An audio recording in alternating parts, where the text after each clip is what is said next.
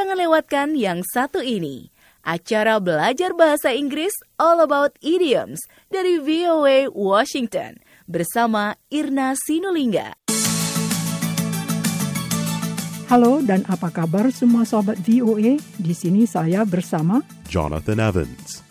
Welcome, friends, to All About Idioms. Acara ini khusus membahas idiom bahasa Inggris yang umum dalam tulisan dan percakapan orang Amerika sehari-hari. Idiom adalah sekumpulan kata yang punya arti tersendiri, jadi tidak bisa diterjemahkan secara harfiah. Oleh karena itu, jika seseorang memahami idiom yang jumlahnya ribuan, sering dinilai bahasa Inggrisnya setara dengan seorang native speaker. Salah satu idiom yang sering kita dengar atau baca adalah Jonathan. Put on the spot, Irna. Sekali lagi. Put on the spot. Artinya dalam keadaan sulit. Put, ejaannya P-U-T, antara lain artinya menaruhkan atau meletakkan.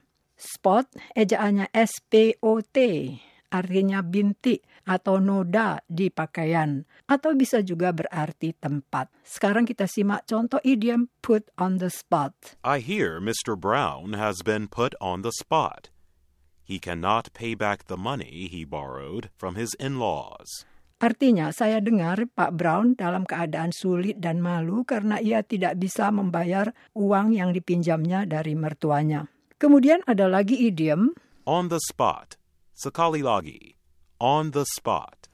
Artinya, seketika itu juga. Kita simak contohnya.